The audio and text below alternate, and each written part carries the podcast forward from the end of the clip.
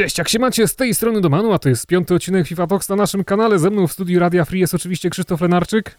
Znany też jako Mr. Kogito. Dzień dobry. Przypominamy na wstępie, że FIFA Talks w tym sezonie, drugim sezonie dostępny jest na Spotify oraz Kotwicy. Krzysztof już się uśmiecha, żeby mnie poprawić, że to jest Anchor, ale, ale... Jak? Co?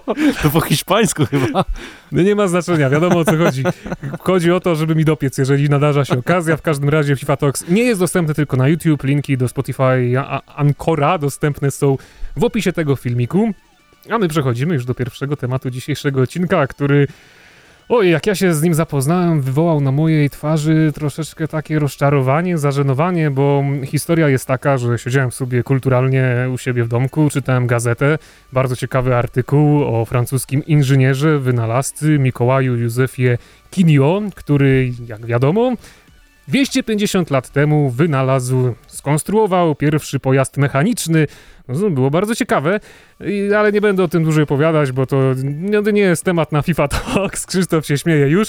No ale właśnie chodzi o to, że tak czytałem o tych pojazdach mechanicznych i tych wszystkich mechanikach, a potem odpaliłem nagrę Twittera i tam pojawił się wpis o tym, że mechanika w FIFA znowu nie dopisuje, bowiem troszeczkę rzuty wolne się popsuły i dzięki temu na przykład Maciek, który nie ma pojęcia o strzelaniu rzutów wolnych, no strzela takie bramy, że klękajcie narody, a ja z drugiej strony wyszedłem, no nie wiem jak to nazwać, ale na osobę, która chyba wprowadza ludzi w błąd, ponieważ przed premierą FIFA 20 stworzyłem poradnik odnośnie rzutów wolnych, jeszcze z wersji demonstracyjnej. Dzisiaj sprawdziłem, obejrzało go już ponad 300 tysięcy osób.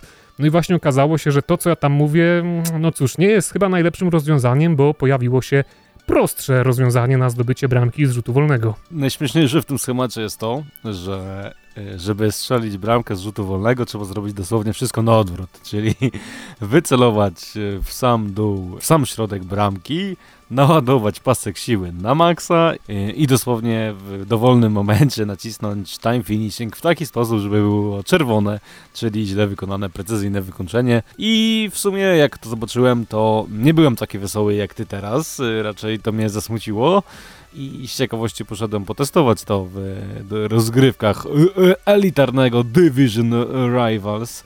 Okazało się, że to nie jest takie OP jak wszyscy mówią że mm, bardzo łatwo to obronić w taki sposób, że wystarczy prawdopodobnie e, przesunąć się bramkarzem, żeby taki strzał obronić to raz, a dwa, że wykonując ten schemat e, nie zawsze ta piłka wpada do bramki, tak jak jest to pokazywane na filmikach. I jest to dużo trudniejsze niż realnie się wydaje. Znaczy może nie jest trudniejsze, ale jest dużo bardziej randomowe niż pokazują to wszystkie te schematy, aczkolwiek wiadomo, no glitch jest okropny, okrutny, brzydki, zły i, I, najbardziej mnie śmieszyło, jak w rozgrywkach jakichś profesjonalnych esportowych w Holandii grało sobie dwóch pro playerów. Jednym z nich był Ajax Dani, drugi właśnie zapomniałem Niku, no ale właśnie tego drugiego gracza to się dotyczy, bo zdobył on zwycięską bramkę w, w ostatnich minutach dosłownie, używając tego schematu, używając właśnie rzutu wolnego na czerwono, bo tak to zostało trochę ochrzczone. No i co o tym myśleć? Łatka tego nie naprawiła, bo pojawiła się już nowa łatka na pacecie. Prawdopodobnie czeka nas festiwal czerwonych rzutów wolnych w nadchodzącym Food Champions. W każdym razie Macie, kiedy spróbował tego rzutu wolnego, strzelił bramkę za pierwszym razem, ale my z Krzysztofem próbowaliśmy od kilku dni już chyba, ty też Krzysztof, i ani razu nam taki rzut wolny nie wpadł, aczkolwiek faktycznie te strawy bardzo ładnie idą pod samą poprzeczkę, tylko też wielu moich przeciwników, jeśli miało okazję do strzału z rzutu wolnego, widziałem, że oni próbowali także wykorzystać ten błąd i kiedy pojawiało się tam czerwony znaczek, kiedy pojawiał się nad strzelcem, to ja jednak przesuwałem się bramkarzem na tyle, na ile mogłem i mój goalkeeper za każdym razem wyciągał piłkę z siatki, więc no póki co w moich meczach, a rozegrałem już kilkanaście albo nawet kilkadziesiąt od kiedy pojawił się ten błąd, no nie działo się nic nadzwyczajnego za jego sprawą, więc na ten moment nawet fakt, że nie został on usunięty z gry przy nowej łatce, no jakoś specjalnie nie wpływa, ani mnie nie martwi. A mnie martwi, natomiast no, grając w wysokich rangach w Division Rivals, ludzie jednak z tego nie korzystają, więc ciekawi mnie, czy jest to po prostu kwestia moralna, to znaczy, czy jest to wybór, świadome nieużywanie glitcha w celu... Gracze FIFA i moralność? Hu, hu, hu. No po prostu wiesz, o co mi chodzi. Gram z gościem i on ma dylemat moralny, czy chce ze mną wygrać normalnie, w sposób, który go satysfakcjonuje, czy jednak chce użyć chamskiego glitcha i, i, i wygrać po prostu zdobywając Krzysztof, bramkę o czym w ten ty sposób. Mówisz? Za, za, za głęboko myślisz, sięgam? No, no, no gościu, no chyba wiesz, jak wygląda społeczność graczy FIFA. No, No, jak no, ty no. możesz o moralności mówić? No ale no? generalnie nikt, nikt nawet przeciw mnie tego nie użył, a zagrałem trochę meczów, więc y, no jest to glitch okropny, ale, ale wydaje mi się, że aż takiego realnego wpływu, jak ludzie myśleli, nie będzie miał na, na całą społeczność gry, aczkolwiek y, oby się nie okazało, że po nagraniu tego odcinka, y, dzień później, gdy rozpoczniemy wszyscy Food Champions, okaże się, że dosłownie każdy używa tego glitcha i za tydzień będę odszczykiwał te słowa. Aczkolwiek mam nadzieję, że jak najszybciej zostanie to załatane, bo to jest absurdalne, że żeby y, zdobyć bramkę w najłatwiejszy sposób z rzutu wolnego w FIFA 20 trzeba zrobić dokładnie wszystko na odwrót i wtedy zdobywamy bramkę. A gdy wykonamy wszystko poprawnie i jeszcze uderzymy na zielonym time finishingu, to prawdopodobnie bramki nie zdobędziemy. Każdym razie, zostawiając temat rzutów wolnych, ja jeszcze chcę przejść do innego stałego fragmentu gry, bowiem jak powszechnie wiadomo, kilka dni temu na PC pojawiła się kolejna aktualizacja do FIFA 20, być może chwili, w której nasz odcinek zadebiutował, dostępna jest ona także na konsolach. I najciekawszym punktem w tej aktualizacji był wpis mówiący o tym, że od tej pory, bodajże aż po trzech latach, przy rzutach karnych nie będziemy widzieć, w którą stronę celuje nasz zawodnik, y, bowiem przestanie kręcić się jego głowa. I to samo oczywiście tyczy wszystkich strzałów przeciwnika. Więc no, teoretycznie jest to spora zmiana, bowiem jesteśmy już przyzwyczajeni właśnie od kilku edycji gry, że widzimy po ruchu głowy, gdzie celuje nasz rywal, przynajmniej w którą stronę. No a tymczasem, pomimo tegoż wpisu, że zostało to usunięte, tak naprawdę nic się nie zmieniło i gracze PC dalej skarżą się na to, że widać, gdzie przeciwnik celuje przy rzucie karnym. Co ty na to, Krzysztof? Po pierwsze, czy to, że kręcenie głową dalej widać jest y, dobre, a po drugie, no czy to jest wielka wpadka i jej? Wielką wpadką jest to, że w ogóle takie coś jest, bo to jest najgłupsza rzecz, jaka została wymyślona. Aczkolwiek, jak mówiłem w recenzji FIFA 20 dla Gramy na Maxanie, dla Vivotox, że rozumiem z jakich powodów zostało to wprowadzone, żeby ten element psychologiczny był większy i żeby trochę ułatwić e, bronienie rzutów karnych graczom no, broniącym je de facto, a nie oczywiście tym samym utrudnić strzelenie rzutu karnego graczom strzelającym. Czy mnie dziwi, że nie zostało to naprawione, mimo tego, że zostało tak napisane? Nie dziwi mnie to, bo to nie jest pierwszy raz w przypadku patchnotesów, że To, coś jest to było takie... pytanie raczej retoryczne. No, no tak, o, wiesz, chodzi mi o to, że w patchnotesach często coś jest napisane, że coś zostaje naprawione, a realnie się okazuje, że jednak nie jest, albo jest zepsute w inną stronę i Albo, że coś zostało naprawione, a okazuje się właśnie, że zostało jeszcze bardziej popsute niż y, było przedtem. Otóż właśnie to, więc mieliśmy wiele razy nie, już do nie czynienia z jestem taką totalnie sytuacją. tym zaskoczony, ale e, powiem inaczej, że muszę to zobaczyć na własne oczy, żeby ocenić, bo e, każdy gracz ma to totalnie inną percepcję, jeżeli chodzi o samą grę, więc dopóki nie zobaczę, to nie uwierzę, będę takim niewiernym Tomaszem. Jednak mam nadzieję, że to zostało naprawione, bo muszę przyznać, że rzuty karne w tym roku to jest taki element, który chyba najbardziej mnie irytuje, jeżeli chodzi o samą grę. Zresztą też wysyłałem Ci kilka filmików z moich rzutów karnych w tym tygodniu, które no były komiczne wręcz, więc y, mam nadzieję, że, że to, y, jeżeli zostanie wyeliminowane to kręcenie głową, to przynajmniej nie będziemy zmuszeni do tego zmieniania kierunku strzałów, które bardzo często przez grę w ogóle nie zostaje odczytane. Więc... No jeżeli masz opóźnienia, to na pewno. No właśnie, więc jeżeli to zostanie wyeliminowane, to dla mnie to będzie duży plus, ale z tego co czytałem, społeczność FIFA nawet w tej kwestii jest podzielona, bo część osób mówi, że no im to bardzo pomagało, im się podobało, że zawodnicy kręcą głową. Część osób oczywiście yy, pisała otwarcie, że to była jakaś totalna głupota, więc no jak zwykle w przypadku FIFA jeden rabin powie tak, a, a drugi rabin powie nie. I chyba na tym skończymy już ten temat i przejdziemy teraz do pierwszego hashtag Tox w tym sezonie. Krzysztof, proszę, odczytaj wybrany przez nas komentarz. Yy, W zasadzie komentarze są trzy, bo wszystkie do, dotyczą jednego tematu. Zostawiało ich kilku użytkowników. Jeden z nich to był Nick Walker, y, jeden z nich to jest Nick Illuminati26, no i jeden z nich to jest y, Eric Beards. I komentarze y, dotyczą tego samego tematu, więc nie wiem, czy czytać trzy naraz, czy zbić to wszystko w jeden, no ale postaram się to zrobić Zbij w jeden. E, sensownie, więc dlaczego z roku na rok dostajemy sztucznie wybustowane specjalne karty nisko ocenionych zawodników, a wysoko ocenieni piłkarze dostają kosmetyczne upgrade'y, przez co są jedynie droższą kopią podstawowych kart. Co sądzicie o kartach Orisicza? Pierwszy inform 79, a statystyki 93 pace, 84 strzały, 81 dribbling i w 82 to pace już 94, 88 strzały i 84 dribblingu, odnosząc się nawet do Ifa Lewandowskiego, który na swojej karcie w formie był delikatnie dosłownie wybustowany, jak to Eryk napisał w swoim komentarzu, kosmetycznie zupgrade'owany. I tutaj odpowiedź wydaje się raczej prosta. Właśnie zdziwiło mnie, że aż tyle pojawiło się wpisów na ten temat, bo to nie jest tak, że po raz pierwszy zadano te pytania pod odcinkiem FIFA Talks, ale no ogólnie widzi się także na innych, w innych społecznościach, na Reddicie, czasem ktoś na rzeźnie wrzuci takie pytanie, no a tutaj chyba wiadomo o co chodzi. Jeżeli mamy w FIFA non-stop content, no to trudno, żeby takiemu Ronaldo przy pierwszej okazji podnieść wszystkie statystyki o 5, skoro wiadomo, że on dostanie jeszcze niebawem 5 informów, kartę Team of the Year, kartę Team of the Season, jakieś karty za international występy i tak dalej, i tak dalej, więc no tutaj podnoszenie tego overalla u Portugalczyka czy Messiego musi być kosmetyczne, bo wiem, w przeciwnym wypadku no stworzyłby się nam problem w przyszłości, bo u niego nie byłoby już co podnosić, kiedy on by miał nabite statystyki na 99. No a w przypadku takiego na przykład czwartoligowego Northampton Town, gdzie wszyscy zawodnicy mają średnio po 60 overalla, no to jeżeli komuś jednorazowo, kto już tam zrobił coś niesamowitego i strzelił hat-tricka, podniesie się statystyki o 15, co spowoduje, że on dostanie kartę ocenioną na 74 albo 75,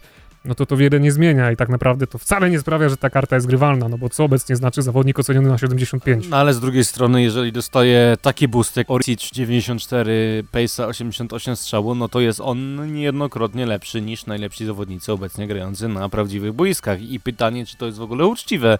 Znaczy, ja rozumiem inaczej. E, rozumiem pobudki w celu dodawania takich kart, bo przez taki boost dla takiego zawodnika, on się staje automatycznie atrakcyjny do zagrania i nie jest tylko kosmetyczną kartą w drużynie tygodnia, tylko z automatu jest gdzieś tam klasyfikowany jako karta, którą można, nie wiem, wsadzić na ławkę, spróbować nią zagrać i tak dalej przez te właśnie podwyższone statystyki.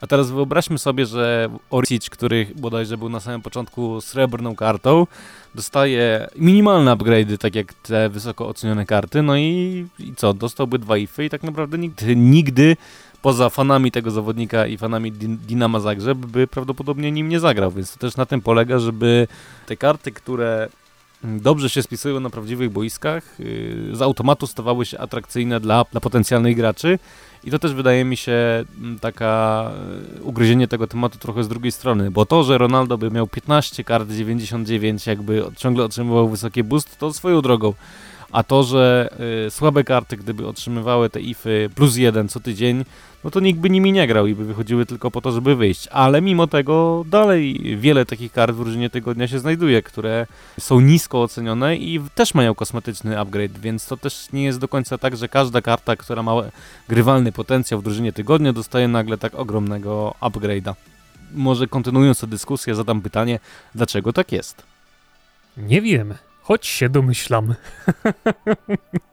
No i tym optymistycznym akcentem zakończymy y, ten konkretny hashtag Talks. Y, temat chyba nie jest jakoś bardzo skomplikowany, więc y, postaraliśmy się go streścić w dość krótki sposób. Czy jeszcze dzisiaj poruszymy jednego hashtaga? Może na dzisiaj już odpuścimy hashtag Talks, ale mamy coś podobnego. Dostaliśmy wpis z Reddita, który tutaj pojawił się w naszym scenariuszu, więc Krzysztof, proszę przeczytaj, bo ja nie mam dostępu do monitora.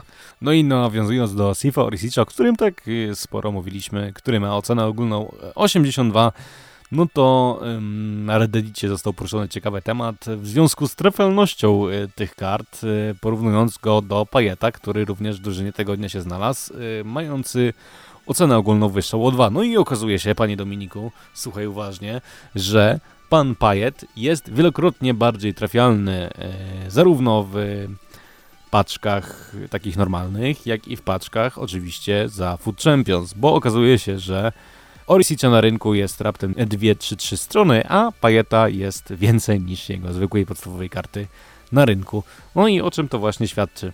O tym, że waga kart jest przyznawana względem jej wartości rynkowej, a nie względem overalla i to jest chyba dość oczywiste, bo... Albo jest no, no. przyznawana zgodnie z potencjalną użytecznością danej karty.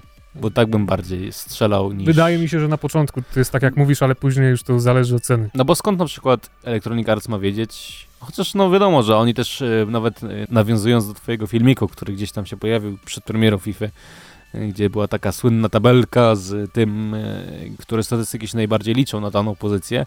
No tak, ale to, to właśnie zrobili pracownicy jej. No tak, no właśnie chciałem do tego nawiązać, że miałem zapytać, że skąd oni mają wiedzieć, która karta będzie bardziej grywalna, no ale hello, sam siebie tutaj y, spanczowałem, natomiast dlaczego piję? Nie wszystkie karty, które są używane przez graczy z góry wydają się grywalne, więc też nie wydaje mi się do końca tak, że można tak łatwo przewidzieć, że akurat w tej konkretnej karcie będzie można wystawić widełki większe niż realnie się da.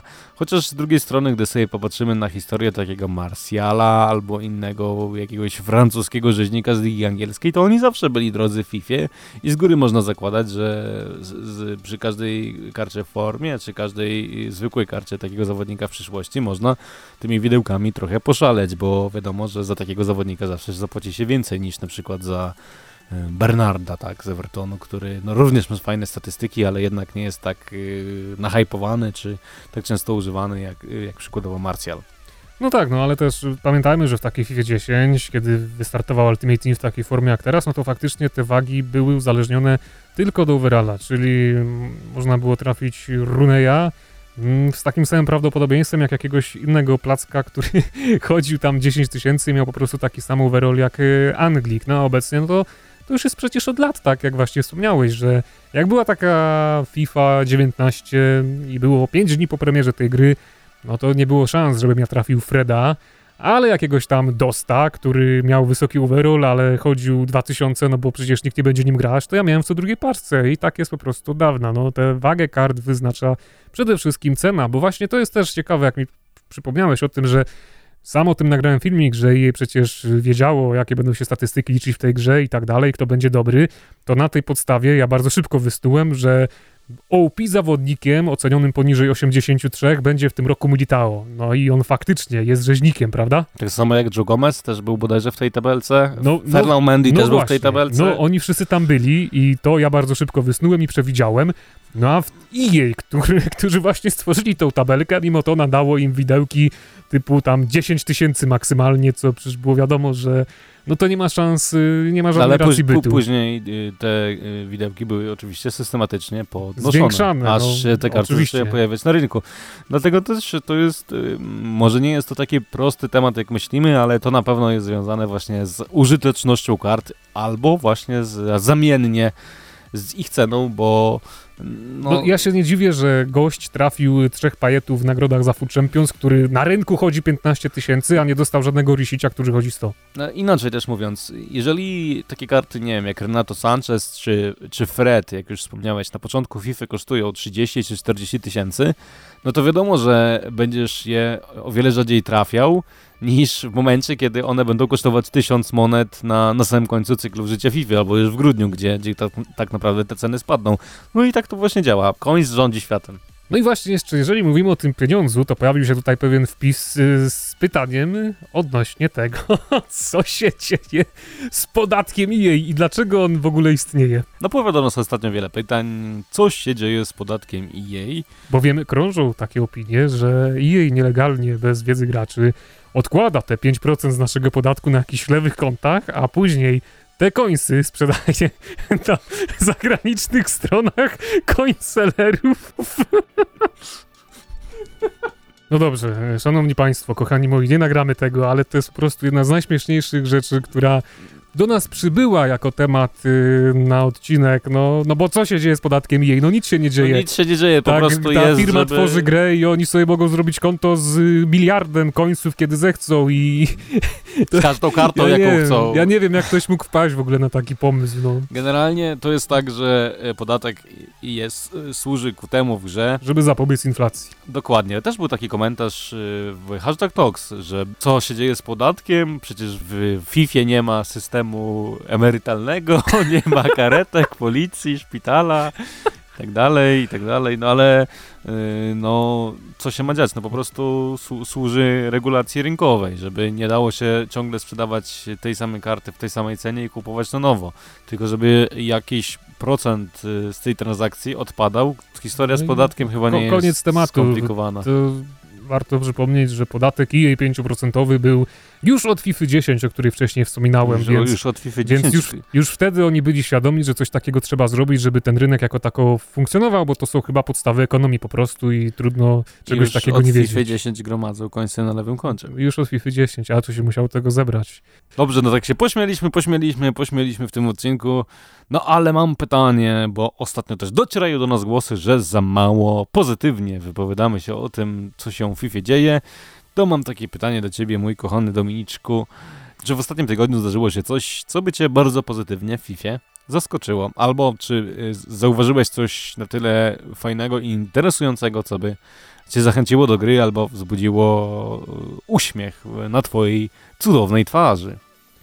W tym tygodniu to raczej nic nadzwyczajnego się nie działo, ani w pozytywnym, ani negatywnym sensie. Po prostu tak sobie grałem i tam testowałem różnych zawodników. No i oczywiście pozytywne rzeczy to się wydarzą właśnie mm, dzisiaj, kiedy ten odcinek debiutuje, no bo wiem, ja już jestem w tym momencie posiadaczem Cristiano Ronaldo z nagrody za Food Champions, więc to jest pozytyw, ale z takich miłych rzeczy, które usłyszeliśmy, no to przede wszystkim to, że w FIFA zagości Copa Libertadores. Krzysztof, powiedz coś więcej, bo ty masz tam na ekranie wszystko wypisane, ja tego nie widzę.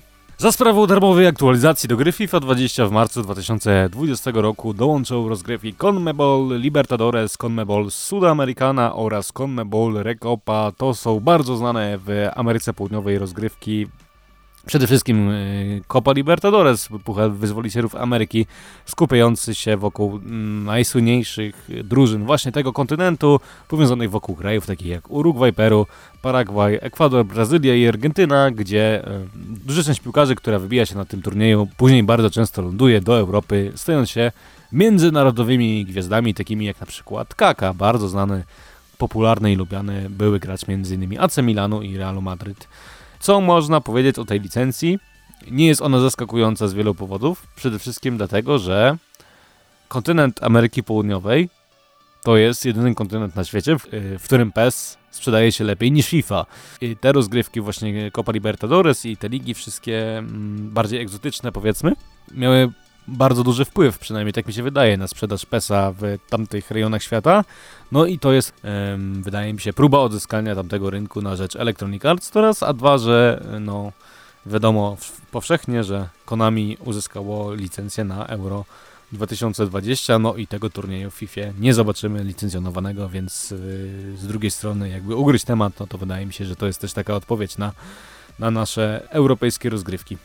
I wydaje mi się, że wykończyłeś temat, bo chciałem dopowiedzieć wszystko to, o czym ty ostatecznie zdążyłeś powiedzieć, ale jeszcze tylko takie pytanko, no bo wiadomo właśnie, że Konami od dawna interesowało się rozgrywkami w Ameryce Południowej. I ewidentnie przez to ta gra jest, y, PES tak jest popularny w krajach takich jak Brazylia, natomiast y, jestem ciekaw, co ty sądzisz na ten temat, że przez to, że teraz UEFA Euro 2020 będzie dostępne w PESie, czy to sprawi, że sprzedaż PESA w Europie wzrośnie, czy jednak e, no, nie wpłynie to zbytnio? W jakimś stopniu na pewno tak, tak mi się wydaje. Zresztą pamiętam też e, sytuację z poprzednich mistrzostw albo Europy, albo świata, gdzie właśnie też PES miał licencję na to, no i dużo ludzi kupowało PESa właśnie w tamtym momencie, żeby poczuć te emocje związane z konkretnym wydarzeniem sportowym, no ale niestety te dodatki w PESie nie były zbyt udane, często właśnie nie zawierały, nie że nie zawierały licencji na drużyny występujące na danym turnieju, ale też nie zawierały wszystkich stadionów i tak dalej,